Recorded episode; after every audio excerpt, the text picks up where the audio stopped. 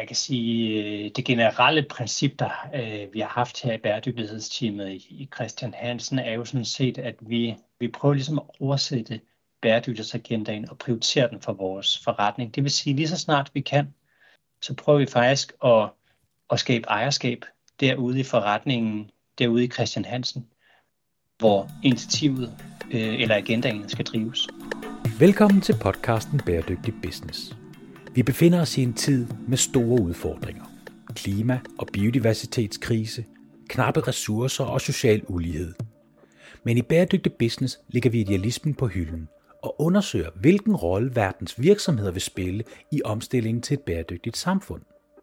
De globale udfordringer kan nemlig ikke løses af velgørenhed og filantropi alene. Hvis vi skal afværge den nuværende kurs mod katastrofe, så skal vi lave bæredygtighed til sund forretning. Mit navn er Steffen Max Høgh. Jeg er forfatter og foredragsholder og har arbejdet med bæredygtighed de sidste 10 år. Jeg taler med førende eksperter og undersøger, om der er penge i at tage et socialt og miljømæssigt ansvar. Hej Rune Jørgensen fra øh, Christian Hansen. Velkommen til Bæredygtig Business, og tak fordi du vil være med. Tusind tak, Steffen. Jeg har glædet mig rigtig meget. Og i lige måde, i lige måde. Det er jo altid spændende, når man skal tale med folk, der har arbejdet meget i branchen. Du har jo øh, en historik, der går sådan lidt tilbage. Det lyder nærmest sådan helt øh, kriminelt, men jeg mener faktisk en, en, en CV-mæssig historik, der er værd at bide mærke i, når vi snakker om bæredygtighed. Du har både været ved, ved Novo, du har været ved Niras, du har været ved E&Y, og nu er du så ved Christian Hansen. Vil du ikke lige fortælle lidt om, hvordan er din rejse ind i øh, arbejdet med bæredygtighed overhovedet startet? Jo, det vil jeg meget gerne. Det har jo været en, øh, en øh, rigtig spændende rejse. Jeg har fået lov, været lov til at være en, en del af det her med at arbejde med bæredygtighed. Og faktisk så startede jeg jo øh, med at arbejde med bæredygtighed helt tilbage i 2010, øh, hvor jeg blev færdiguddannet som øh, maskiningeniør. Øh, og øh, det, var, det var en ret interessant tid, fordi der sad vi faktisk og lavede klimaregnskaber, da jeg var i NIOS der, øhm, ja, det, inden det rigtig blev hot. Ja, det må man sige, det inden det blev hot. Det var dengang, vi havde problemer, men vi bare ikke var så opmærksom på det.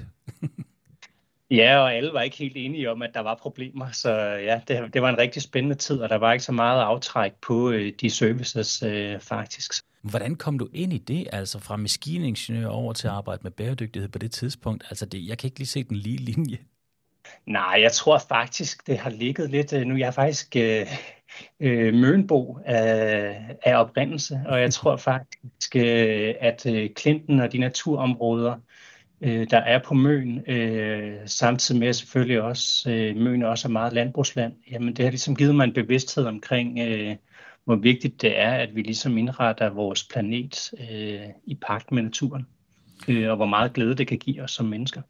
Øh, jeg er fuldstændig enig, og forskning bakker jo også op omkring, at naturen, altså faktisk de mennesker, der bruger naturen meget, er sjovt nok også meget positivt stemt omkring det, så hvis vi kan få flere folk ud i naturen, så kunne det også skabe en, en større, hvad kan man sige, interesse i at, at bevare den. Det kunne da godt være nogle, øh, noget, der pegede på. Vil du ikke også lige prøve at forklare os lidt omkring altså Christian Hansen generelt? Fordi vi ved jo alle sammen, I den her kæmpe store virksomhed, og I øvrigt jo lige øh, gået sammen med Novozymes, så tillykke med det. Men hvad er det egentlig, man laver ved Christian Hansen? Ja, altså øh, først skal jeg lige sige, at øh, det er jo stadigvæk øh, i proces med, med Novozymes, så vi skal lige have, der er nogle... have tingene på plads. Øh, ja, det er konkurrencemyndigheden, der skal ind over og kigge på det. Ja, sådan, der? så øh, dem, dem venter vi stadigvæk på, men øh, vi, øh, i Christian Hansen øh, har vi jo en, en, en lang historik for at arbejde med bakterier og andre øh, hvad skal man sige, biologisk baserede løsninger. Så det vil sige øh, bakterier og andre mikrober, som ligesom findes i, i naturen, og dem, mindst, øh, dem øh, producerer vi selvfølgelig øh, industrielt. Og det, der er super spændende ved den her øh, biotech-sektor, jamen det er simpelthen, at vi kan gå ind og, og lave nogle rigtig spændende løsninger til vores landbrug og fødevare, øh, som kan levere nogle øh, nogle bæredygtighedspotentialer, man så må sige, på samme vis som vi kender det med, med energieffektive pumper eller vindmøller inden for øh, energisektoren eller elbiler inden for transportsektoren. Så vi har sådan nogle, nogle øh, rigtig spændende øh, løsninger på vores øh, øh, hylder, som sådan set er baseret i naturligt forekommende bakterier osv. Og, og det er et super spændende krydsfelt at sidde i. Ja, og, og hvad vil det sige? Altså de her bakterier, de er jo, der er jo gode og der er jo dårlige bakterier. Jeg går selvfølgelig ud fra, at jeg arbejder mest med de gode. Men, men det Vi kan bedst blive de gode, ja. Ja, det, det håber jeg da. Men, men det vil simpelthen sige, at de her bakterier, der kan I, I livsforlænge produkter, men I kan også skabe mere sundhed. Kan du prøve at fortælle lidt dybere omkring, uh, omkring det? Fordi hele den her biotech-branche, det er jo noget, der er sådan... Det, det kan godt være lidt svært for sådan en lægmand som mig at forstå, hvad det egentlig drejer sig om. Ja, og det er også, man kan sige også, øh, en virksomhed som Christian Hansen har jo en palette af produkter, som rammer forskellige øh, led i fødevaresektoren, og som du også siger her, Steffen, jamen, så har vi faktisk også et ben i, hvad skal man sige, human sundhed, om man så må sige, vores øh, menneskers sundhed. Så jeg tror faktisk, den nemmeste måde at forstå øh, Christian Hansen på, er faktisk ved at forstå vores kundesegmenter. Øh, så for eksempel øh, har vi et ben ude i i landbruget og produktion af, af afgrøder, hvor vi faktisk har nogle biologisk baserede øh, plantebeskyttelsesløsninger, som kan gå ind og nedbringe forbruget af, af kemiske pesticider. Så allerede der har vi jo nogle, nogle løsninger, som er rigtig spændende ud fra et bæredygtighedsperspektiv. Christian Hansens øh, hvad skal man sige, hjerteblod ligger jo selvfølgelig i, i, i mejeri, i yoghurt- og osteproduktion. Øhm, og her der laver vi jo også, man kan sige, vores daglige øh, forretning og vores innovationskraft blev hele tiden lagt i at finde nye, øh, gode, øh, biologisk baserede løsninger, som kan give øh, mejerier endnu bedre udbytter, så man altså får mere, øh, mere ost eller mere yoghurt ud af den samme mængde mælk. Så der er også bare det der, hvad skal man sige, det der med ligesom at at øge øh, produktiviteten og effektiviteten, det er jo også et, et kæmpe ben øh, for os. Og så som du siger her, så noget af det, der bliver rigtig spændende, hvor vi rigtig øh, får noget bæredygtighed for, for pengene, om man så må sige, det er jo, hvor vi kan gå ind og være med til at levetidsforlænge øh, holdbarheden på fødevare, fødevareprodukter. Vi ved øh, fra øh, tal fra FN og andre øh, øh, internationale organisationer, at cirka en tredjedel, altså cirka en tredjedel af det mad, der bliver produceret på verdensplan, det går faktisk til spilde. Ja, og der har været fuldstændig vanvittige ja, tal. Det er helt vildt, og det har jo selvfølgelig både en, en effekt på klima øh, og på biodiversitet og alle mulige øh, vand og alle mulige andre øh, miljøparametre. Så derfor er det øh, en åbenlyst ting, vi bare skal have gjort noget ved som samfund. Ikke? Og der er det selvfølgelig spændende for os, at vi har nogle, øh, nogle løsninger på, på hylden, som kan være med til at levetidsforlænge. For vi ved også fra nogle studier, at, øh, at cirka 80 procent af det her madspild, det skyldes faktisk, at, at øh, fødevaren eller råvaren bliver dårlig et eller andet sted i, øh, i kæden, om det er ude hos, øh, hos landmanden eller på hylden hos mejeriet, eller om det er i dit og mit køleskab. Øhm, det er sådan cirka ligeligt fordelt, men vi ved, det, at det er, at 80% af det madspil kunne faktisk undgås ved at levetidsforlænge. Og der har vi altså naturlige løsninger på hylderne allerede i dag. Så derfor er det jo en, en agenda, vi virkelig prøver at, at, at, at skabe fokus på. Ikke? Og, og det er jo sjovt, fordi at når man snakker om, at en tredjedel af alt mad, der bliver produceret, bliver spildt, øh, så er det jo, som, som jeg husker det fra en undersøgelse, jeg læste for noget tid tilbage, og du korrigerer mig, hvis jeg tager fejl, så er det noget med en tredjedel, men ud af den tredjedel, så er det en tredjedel, der bliver spildt i produktionen af mad, en tredjedel, der bliver spildt ude i butikkerne, og en tredjedel, der bliver spildt hjemme hos Herrefru Danmark. Og der kan man jo sige, at, at hvis man kan få de her produkter til at leve længere tid, så har man jo alt andet lige et noget bedre udgangspunkt for, at, øhm, at, at man smider lidt mindre ud. Lige præcis. Øh, der er forskellige studier, Steffen, og forskellige tal, men det, det er nogenlunde i den dur, og det afhænger selvfølgelig også af, hvad det er for et land, og er vi et udviklingsland, eller er vi et øh, udviklet land, så som, som Danmark her. Ikke?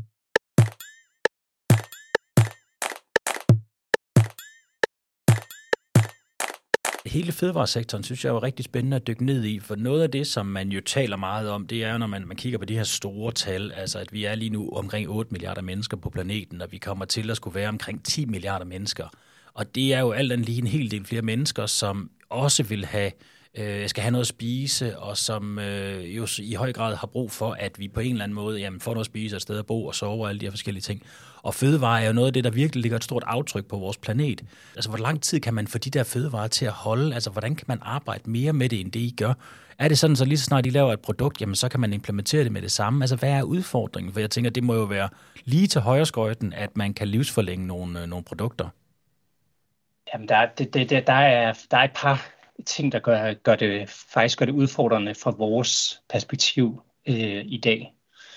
Øh, det ene er, at det kan være svært at forstå øh, biotek og de her mikro, øh, mikrobiologiske løsninger, som vi har. Øh, selvom vi faktisk bare sætter, øh, populært sagt, bare sætter strøm til de naturlige fermenteringsprocesser, vi har brugt øh, som menneskehed i årtusinder det kan stadigvæk være svært for, for folk at forstå de her øh, øh, mikrobiologiske løsninger og fermenteringsprocesser. Og det betyder også, at myndighederne og, og øh, øh, lovgivere kan have lidt svært ved at forstå det, og vi nogle gange går og bokser lidt, lidt med at få dem til at forstå, hvad er det egentlig, øh, hvad er det af positive og, øh, aspekter, der ligger i vores løsninger, og er der nogle risikomomenter i det? Øh, for det er klart, at myndighederne skal selvfølgelig have kortlagt øh, at, at de løsninger, vi, vi sætter på markedet, øh, er sikre i forhold til forbrugerne. Det er klart. Selvfølgelig skal det det. Men, men det er jo en rigtig, rigtig spændende pointe, det her med, at, at altså innovation og, øh, og al det udvikling, vi har brug for at foretage, for at, det er, at vi kan løse nogle af de problemer, vi står overfor, at, at der, det kan jo godt være lidt svært at, øh, at få modtageren til at forstå, hvad det drejer sig om. Altså, fordi det er jo vidderligt utrolig mange områder i vores liv, hvor vi skal lave tingene anderledes. Så man skal vel så at sige klæde sine kunder ret godt på, før de forstår det produkt, I kommer med. Er det rigtigt forstået? Det er i hvert fald, man kan sige, vores direkte kunder, så fødevareproducenter, de forstår godt vores løsninger. Myndighederne, øh, man kan sige, de løsninger, vi leverer, er egentlig gammel øh, kendt teknologi, så på den måde har det egentlig ikke været så meget i, i myndighedernes søgelys. Øh, i mange år, fordi når man ligesom man har det her princip om novel foods eller øh, nye fødevarer, lige snart du kommer med en ny fødevare på markedet, jamen, så skal det igennem en godkendelsesproces. Hvis det er gammel kendt teknologi, så behøver det egentlig ikke at blive, øh, Nej, det er klart, selvfølgelig. Øh, så, blive godkendt. Ja, så I skal igennem hele den mølle, hver gang I kommer med noget nyt? Ja, hver gang vi begynder at, at vi kommer med noget nyt, eller øh, bruger nogle, nogle kendte løsninger i nogle andre øh, anvendelser. Så man kan sige, at faktisk nogle af de her bakterier har vi jo øh, brugt i andre kombinationer til, øh, hvad skal man sige, til oste og, og yoghurtproduktion, øh, men nu giver vi bare en højere dosis af en bestemt øh, kultur for også at give noget ekstra øh, holdbarhed. Ikke? Men det er jo en, en super interessant vinkel, fordi det, det vi i bund og grund taler om her, det er, at øh, selvom det er noget, altså fermentering er jo noget, man har gjort igennem rigtig, rigtig lang tid, men, men pointen her er jo, at når man kommer til bordet med noget nyt, så er det jo ikke lige så testet som de kendte løsninger, man har i forvejen. Og det sker jo ikke kun inden for fødevarebranchen, det sker jo også i byggeriet lige nu. At så skal man til at bygge med nogle nye konstruktioner, som måske er lavet af træ i stedet for beton. Og der ved man ikke helt, hvor godt det holder. Og fordi vi lever i en verden, hvor vi bliver nødt til at lave relativt mange ting om, så er der mange nye ting, vi skal prøve af, men vi har bare ikke den samme dokumentation. Og der er det jo en, altså hvordan, hvordan måler man den risiko? Fordi at at, altså, det, det er jo ret interessant. Kan du følge dilemmaet i det? Det synes jeg da virkelig må være noget, der er vanskeligt for jer. Det er fuldstændig øh, spot on, altså fordi man kan sige helt konkret øh, er der to, øh, to steder, vi faktisk øh, bokser lidt med for tiden. Det ene er det her med godkendelse af de her plantebeskyttelsesløsninger, jeg nævnte indledningsvis, som kan øh, bruges i stedet for, øh, eller som supplement til, til kemiske pesticider. Øh, og det, der ser vi faktisk ind på det europæiske marked, der ser vi ind i en godkendelseshorisont på over fem år. Øh, og, og man kan sige, øh, det sjove er så faktisk, at øh, EU har et reduktionsmål på brugen af kemiske pesticider. Ja, det... øh, men, ja. så, så, men vi kommer om på den anden side af, at, at det, det, ej, vi kommer meget tæt på det, det i 2030, ja, at øh, ja. EU reducerer brugen med, af kemiske pesticider med 50 procent.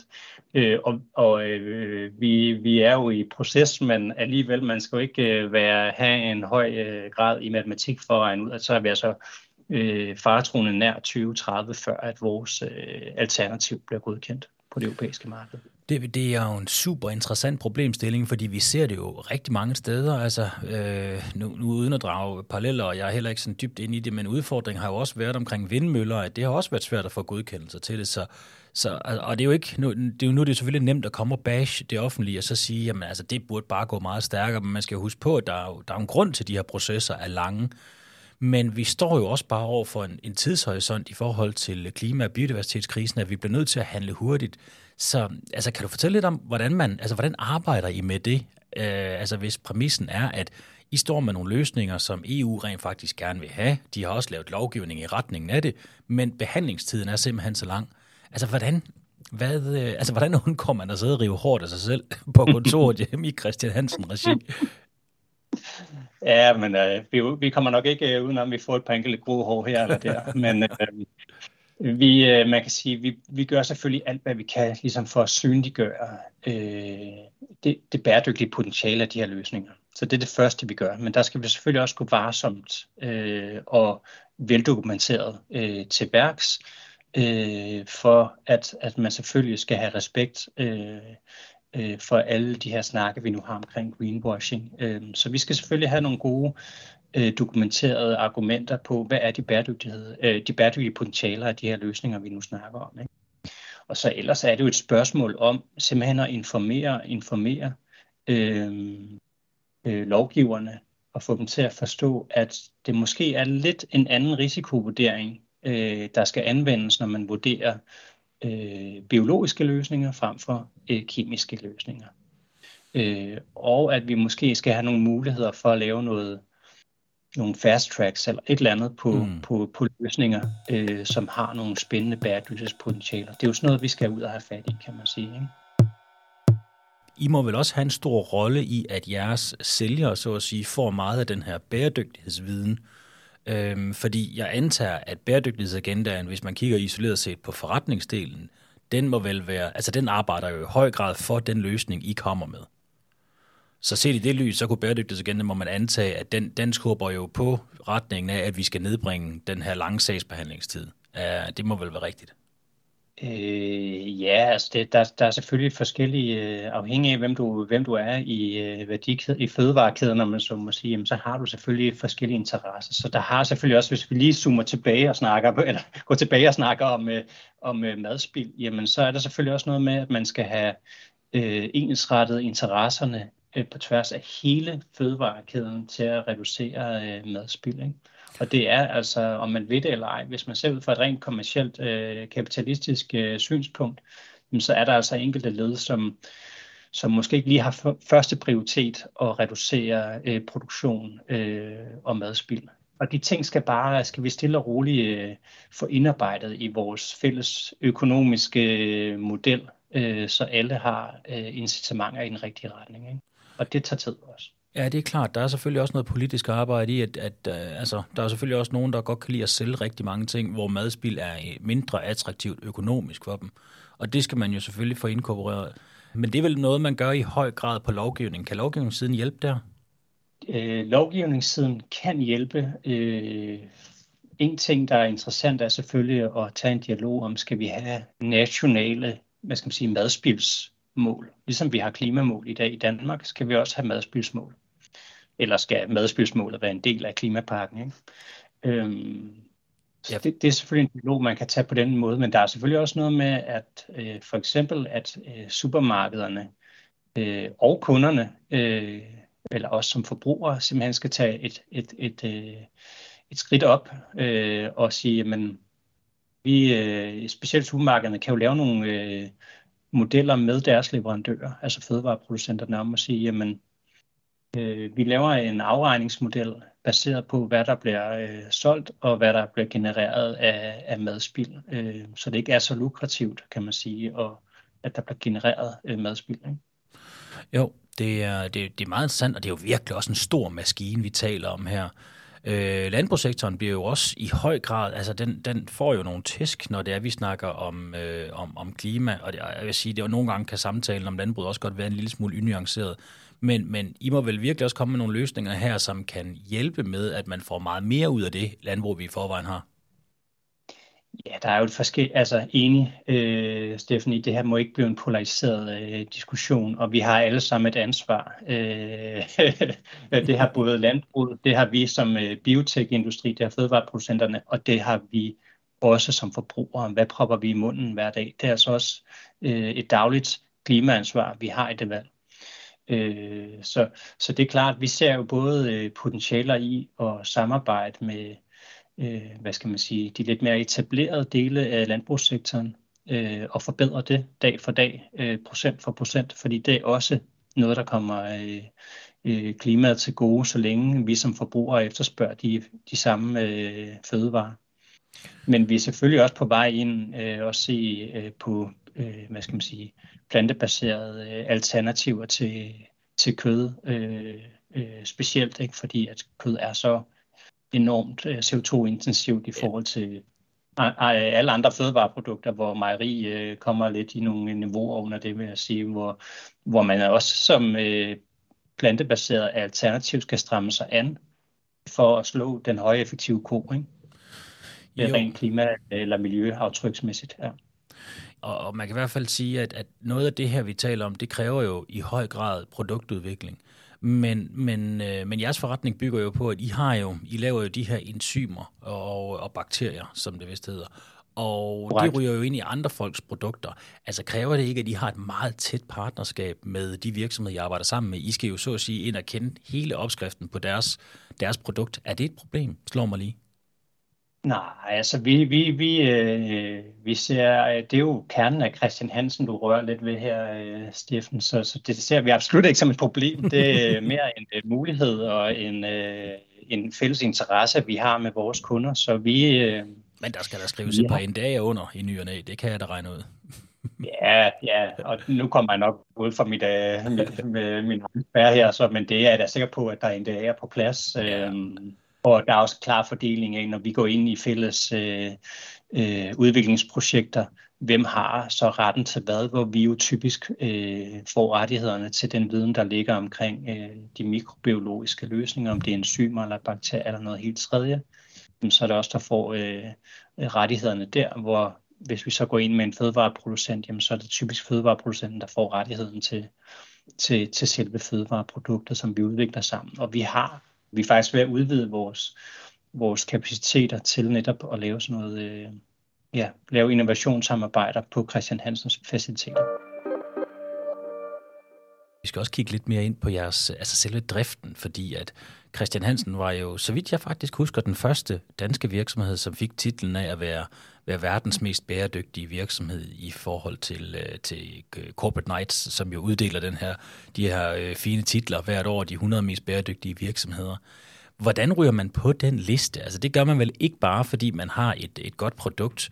Det handler vel også om, at man kan finde ud af, hvordan det er, man arbejder med sustainability og ESG i, i driften. Kan du prøve at fortælle lidt om, hvordan jeres arbejde foregår i forhold til det her? Altså, hvordan organiserer I det, og generelt, hvad er det, I tager fat på? Ja, vi kan lige tage en runde på den her uh, Corporate Knights uh, ranking og den titel, vi fik som, uh, som verdens mest uh, bæredygtige uh, virksomhed der. Jeg mener det tilbage i 2019. Um, det var jo sådan set, at det var faktisk inden jeg, jeg fik posten her. Men øh, det, der det min, øh, min tidligere kollega gjorde rigtig fint, jamen det var sådan set at prøve at sætte øh, et tal bag, hvor stor en del af den årlige omsætning, altså vores årlige salg, øh, bidrager på en eller anden måde positivt til en af FN's øh, 17 øh, verdensmål. Og vi har konkret zoomet ind på tre af verdensmålene.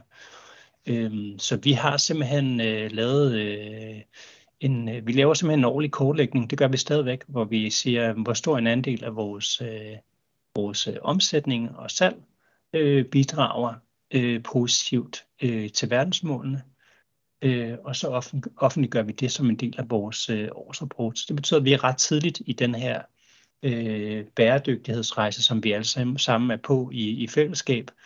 Jamen der kunne vi jo sætte et bæredygtighedstal bag vores omsætning. Og det er nu engang omsætning, salg og produkter, der udgør kernen af en virksomhed. Og det var det Corporate Nights øh, ligesom anerkendte Og bare som en lille kommentar der til, kan man sige, det var jo øh, rigtig godt set, fordi det er jo der, vi alle sammen er endt hen med. Altså ESG var jo også et begreb øh, dengang, men nu er det jo nærmest blevet et, øh, et, et folkebegreb, det her ESG, og det er jo der, det er endt, altså hvor man netop prøver at tage de ikke-finansielle aktiviteter øh, Øh, og, og binde det sammen med resten af forretningen, så man kan se, at der både er noget finansielt, men også noget ikke-finansielt, men at, at få dem til at hænge sammen, så man så at sige kan se, hvordan er det, at den her virksomhed individuelt påvirker planeten. Lige præcis. Øh, lige præcis. Altså, jeg, jeg tror personligt på noget af det, der fungerer bedst, jamen det er jo, når vi ligesom kan få indlejret øh, bæredygtighed i vores øh, økonomi. Vi kan selvfølgelig godt tage en snak omkring øh, forbrug og, og kapitalisme og så videre, Steffen, ikke? men altså, og, og man ved det eller ej, jamen så har øh, det monetære øh, system altså været en rigtig, rigtig god driver for øh, menneskelig udvikling gennem tiden, ja. og en stabil øh, faktor på tværs af øh, politiske overbevisninger af regioner. Øh, og det er også et sprog, som vores interne medarbejdere og ledelse forstår. Det er det, det finansielle sprog, så hvis vi kan prøve at komme så tæt på det som overhovedet muligt og få indlejret bæredygtighedsaspekter i det, det her øh, system og i vores business cases, så kommer vi, øh, kommer vi hurtigere fremad ja, øh, sammen. Det, det er jeg fuldstændig enig i, og det, jeg kommer også til at lave et par episoder om hele det her degrowth-perspektiv, øh, øh, men, men til syvende og sidst, og der kan jo godt være noget om snakken apropos kapitalisme og forbrug, men, men hvis det er, at vi skal løse nogle af de problemer, vi står overfor, så bliver vi nødt til at gøre det rentabelt og løse de her ting og få markedsøkonomien til at drive det. Så det er, det er jeg sådan set meget enig i. Fortæl os lidt mere om processen med, med Corporate Nights. Også hvordan det gjorde, altså hvordan påvirkede det organisationen? Jeg ved, det var før din tid, men hvordan, øh, hvordan påvirkede det virksomheden? Fordi der var der mange af os, der lige pludselig fik øjnene op for Christian Hansen, dengang det var i vand den, og tænkte, nå, hold det op, altså. Er de så gode på det område? Jamen altså, det var jo, det er jo en, øh, det er jo en øh, ranking som, øh, og en pris, som, som virkelig, virkelig, som du siger, Steffen, øh, puttede øh, Christian Hansen på Øh, verdenskortet. Øh, og det har også fået vores øh, kunder til at, at løfte brynet. Øh, og måske lige så vigtigt har det fået, øh, har det materialiseret sig i en gejst og, øh, og en motivation for bæredygtighed blandt vores øh, øh, kære kollegaer, øh, som øh, jeg må sige, gennem min, min øh, tid som, øh, mine mange år som konsulent, har jeg ikke oplevet magen. og det er, ikke for, det er ikke for at klappe øh, Christian Hansen på ryggen her og mine kære kollegaer, men, men, men det har så været, øh, siden jeg, jeg øh, kom til forretningen her for lidt over to, to år siden, jamen, så har det bare været en fornøjelse. Øh, og folk har faktisk haft en, øh, har faktisk en rigtig stor forståelse for bæredygtighed, øh, hvilket bare gør det nemmere øh, at være i øh, Øh, i min position, kan man sige. For man, bliver ikke nødt, man skal ikke starte fra øh, ABC eller Adam og Eva hver gang. Man kan faktisk øh, gå ret, ret hurtigt direkte til sagen. Det er helt klart et plus. Det er jo det generelle vidensniveau i organisationen skal op nogle steder, og der er det jo et plus, at man er kommet lidt længere. Eller at det er noget, som måske er, er så tæt knyttet til jeres kerneopgave, at det giver sådan intuitivt mening. Hvorfor tror du, at, at jeres medarbejdere måske har et lidt, altså en, en, en god indsigt i bæredygtighed?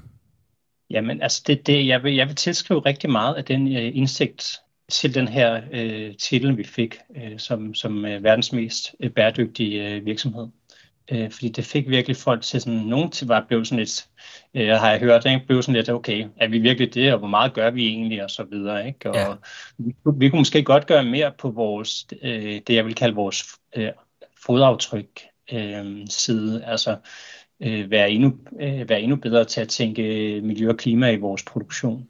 Men det, der blev klart for, øh, øh, for alle i Christian Hansen, var jo, hvad var, hvad var ligesom potentialet i vores øh, produkter.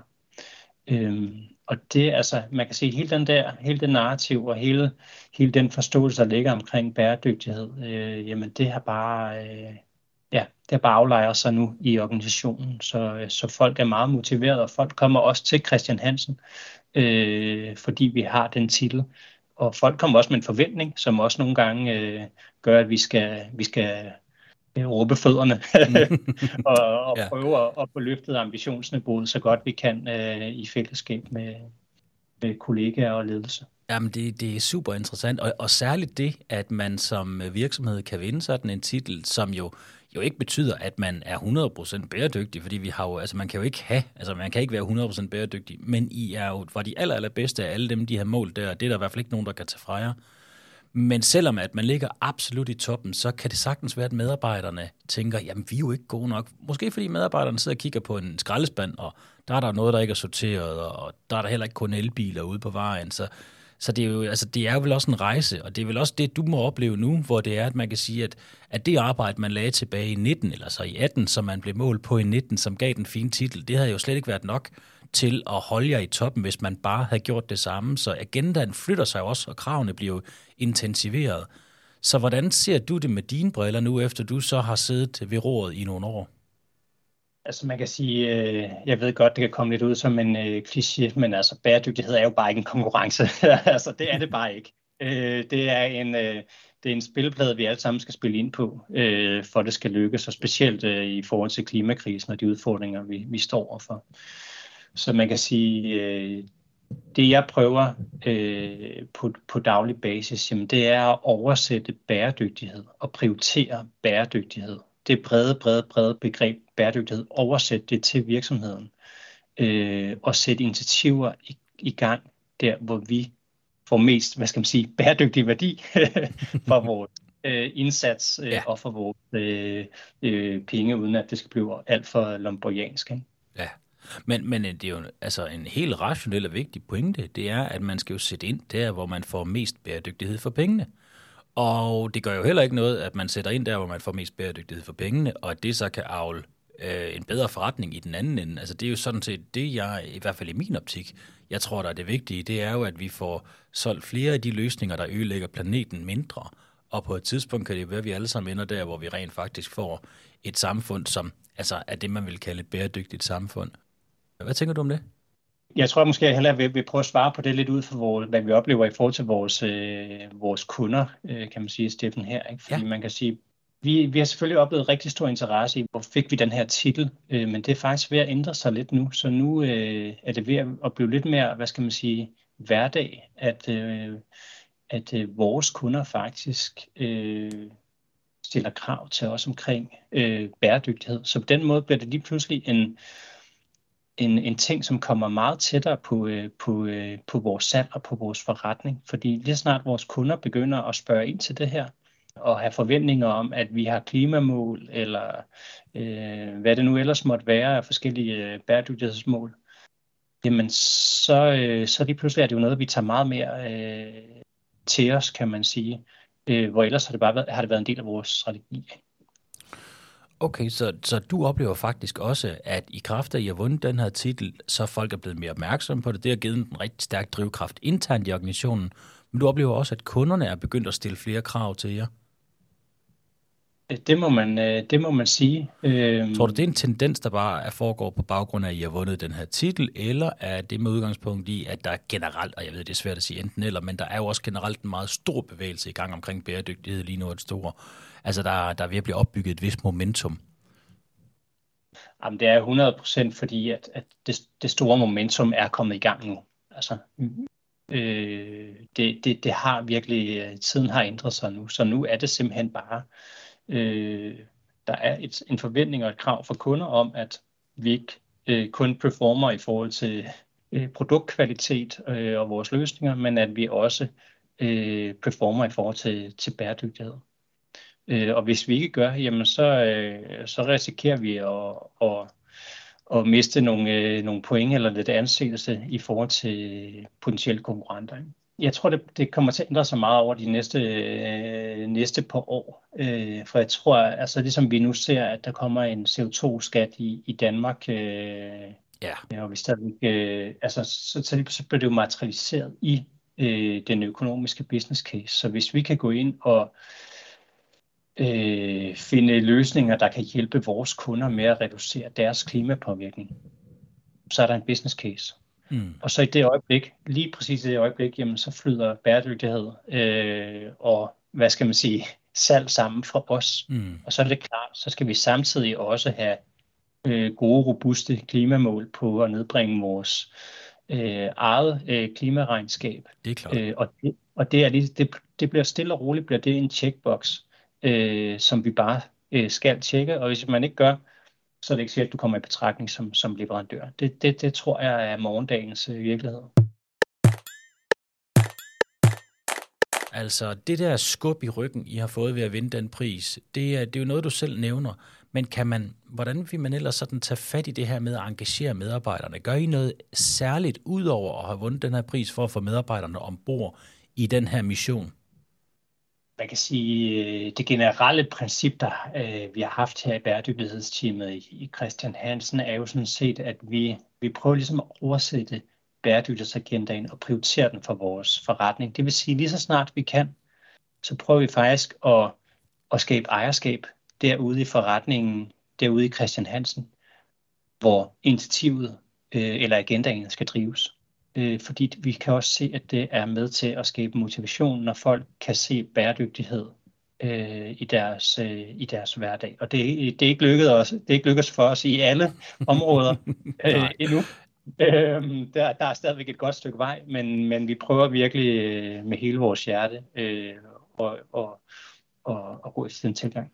Men man kan sige, det, øh, det, det, det, altså uden at skulle gøre mig til dommer over for det, så vil jeg sige, at det, det er nok en meget smart tilgang, at man sørger for at få realisering og effektuering af, af alle de her opgaver ud i de forskellige områder i organisationen, sådan så det er, at de bliver løst derude af de rigtige folk, der ved noget om det, og det skaber selvfølgelig også engagement.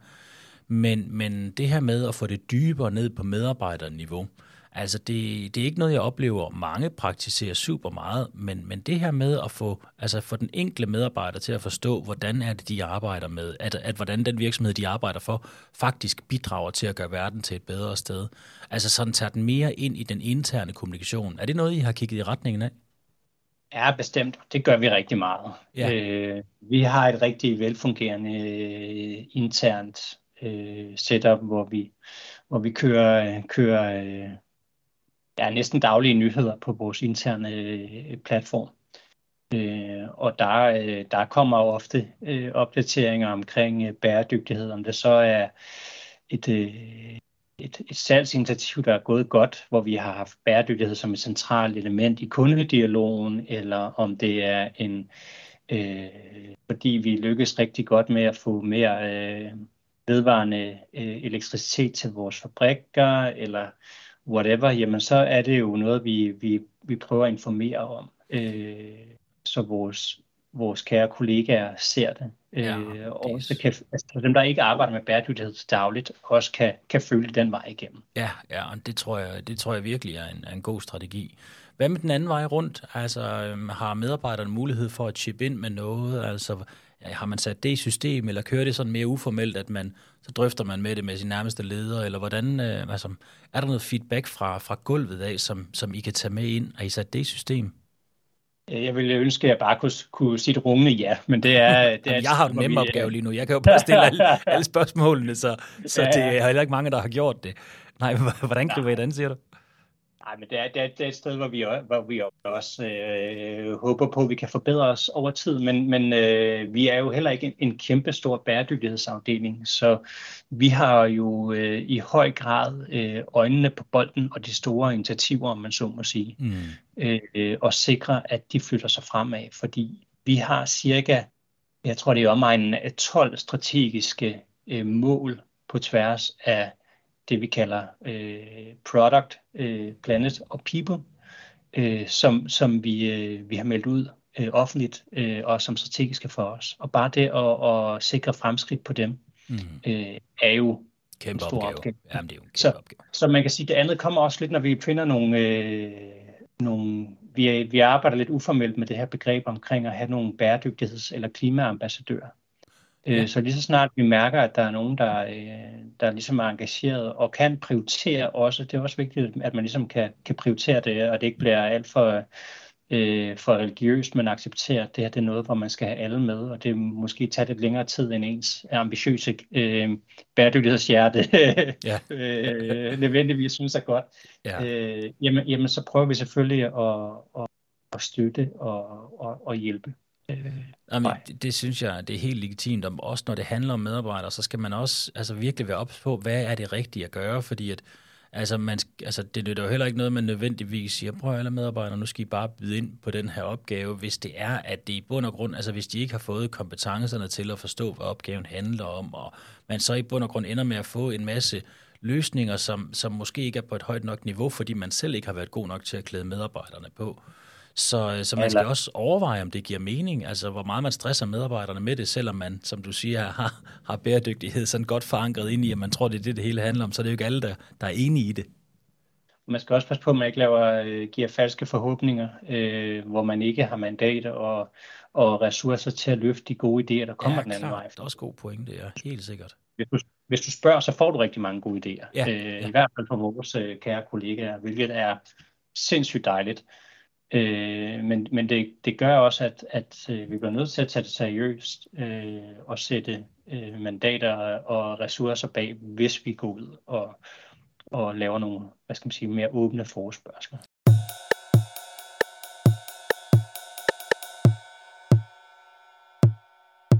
Hvad tænker du sådan med dit øh, perspektiv på bæredygtighed og i de forskellige virksomheder, du har været, og øhm, altså nu følger du jo ret meget med i agendaen. Hvor ser du de store udfordringer ligge?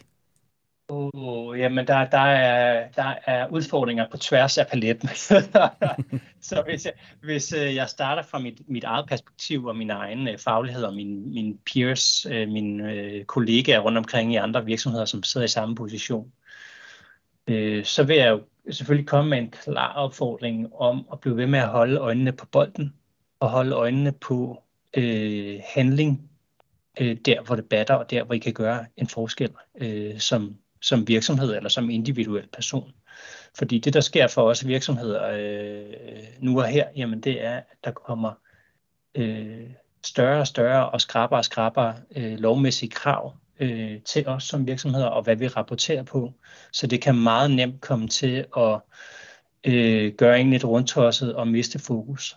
Øh, så derfor øh, er det, ligger det meget på sinden, at man ligesom bliver ved med øh, og prioritere der, hvor man virkelig kan gøre en forskel øh, og have fokus på det. Selvfølgelig øh, samtidig med, at man, man, øh, man efterlever øh, øh, regulativerne og giver transparens, som, som man nu engang skal som ansvarlig øh, virksomhed. Øhm, virkelig god pointe. Kunne du øh, godt være bekymret for, at alle de her skrabe krav, der kommer fra EU, de kommer til at medføre en, altså en, en mere øh, øh, rigid tilgang til bæredygtighedsarbejde, som måske bliver sådan mere compliance-drevet og noget mindre bæredygtighedsagtig, hvis, og hvis man skulle sådan se forskellen på de to ting, så compliance-delen, hvor det bare handler om at rapportere, og bæredygtighedsdelen, som måske handler mere om at lave forandringer? Øh, ja, jeg kan, godt, jeg kan godt være lidt bekymret for nogle af delene, fordi øh, vi internt her, øh, der opererer vi jo med de her to begreber, altså vores øh, håndaftryk og vores fodaftryk. Øh, vores fodaftryk, det er ligesom, hvad skal man sige, vores klimapåvirkning, det er vores udledninger øh, af spildevand og affaldsstrømme osv. Det er ligesom hvad skal man sige, øh, den miljømæssige omkostning ved at drive vores værdikæde, eller vores øh, leverandørkæde og vores egen produktion. Mm. Så har vi vores håndaftryk. Det er de øh, bæredygtige øh, besparelser, effektiviseringer, øh, som vi kan levere ud til vores kunder. Så det er, når vi kan få levetidsforlænge øh, holdbarheden af fødevareprodukter og reducere madspild det er vores håndaftryk. Det er, når vi kan nedbringe forbruget mm. af kemiske pesticider. Det er vores håndaftryk. Det, der er fokus for kommende regulativer øh, og regulering, jamen det er øh, fodaftryksdelen. Så det, altså, øh, det er vores, øh, vores omkostninger, vores leverandørkæde og vores produktion. Men hvis vi ser på, vi er stadigvæk selvfølgelig ved at, at, at knuse tallene, men øh, vi, vi ser nogle klare proportioner af, at der er meget mere øh, guf og, og størrelsesorden i vores håndaftryk, end der er i vores fodaftryk. Så derfor kan man sige, for vores øh, side som en, en green tech virksomhed, kan man måske kalde os, jamen så kommer der et lidt øh, disproportionelt øh, fokus, hvor vi skal bruge rigtig meget øh, krudt på øh, rapportering og transparens på vores øh, fodaftryksdel, Øh, men til gengæld skal vi øh, gå meget, meget stille og meget øh, øh, nøjsomt til, til værks øh, på vores håndaftryksdel for at undgå, hvad skal man sige, øh, greenwashing-sager øh, mod os. Ikke? Øh. Og der er lidt en balance, øh, vi går og, og, og diskuterer her internt. Hvordan, hvordan, øh, hvordan gør vi det værdiskabende, det, det der rammer os? Ja, og det store dilemma er jo, at det er jo jeres håndaftryk, hvor I virkelig kan lave en forskel ud i verden, altså en positiv forskel og gøre verden bedre, hvorimod fodaftrykket, det er, er altså i den her sammenhæng noget mindre end det positive, I kunne skabe med, med, med håndaftrykket. Helt øhm, præcis. Tænker du, det her det er generelt for mange virksomheder, eller er det specifikt for Christian Hansen? Øh, jeg tror, det er, øh, er specifikt for virksomheder, som ligesom har en green tech-vinkel. Om det så er en vindmølleproducent, en producent af, af energieffektive pumper, som vi også har i Danmark, eller, mm. eller nogen, som har en, øh, en, en, en grøn vinkel på deres produkter. Mm. Ja, så man kan sige, hvis man har et, et grønt kerneprodukt, så at sige, så ligger ja. man lidt skævt i forhold til det. Men trods alt, så kommer det til at løfte baren for alle, ikke mindst dem, som så har et, et noget mindre øh, bæredygtigt produkt i sidste ende, hvis man kan sige det på den måde. Lige præcis. Øh, men, men det er stadigvæk, man kan sige, det vi bliver bedt om at rapportere på, det er ikke, hvad kan vores produkter, det er, hvad, har, hvad er det, vi gør i vores produktion og vores leverandørkæde. Det er primært det, vi bliver spurgt til. Ikke? Ved du hvad, Rune, vi kunne tale sammen meget længere omkring det her. Jeg synes, det er utrolig interessant, når man får lov at tale med folk, der har beskæftiget sig så meget med det i lang tid. Så jeg har jo spurgt om alle de ting, jeg har gået sådan og, og undret mig lidt over. Tusind tak, fordi du vil være med i Bæredygtig Business. Det var en fornøjelse. Tak, fordi jeg måtte. Du har lyttet til Bæredygtig Business. Mit navn er Steffen Marksø, og du er meget velkommen til at finde mig på LinkedIn, hvis du har idéer til emner, jeg skal tage op i podcasten. Ros og ris er også meget velkommen. Husk i øvrigt at abonnere på podcasten i din podcast-app, så får du automatisk besked, når der er nye episoder. Og hvis du giver os en god anmeldelse, så hjælper du med at sprede budskabet om bæredygtig business. Tak fordi du lyttede med.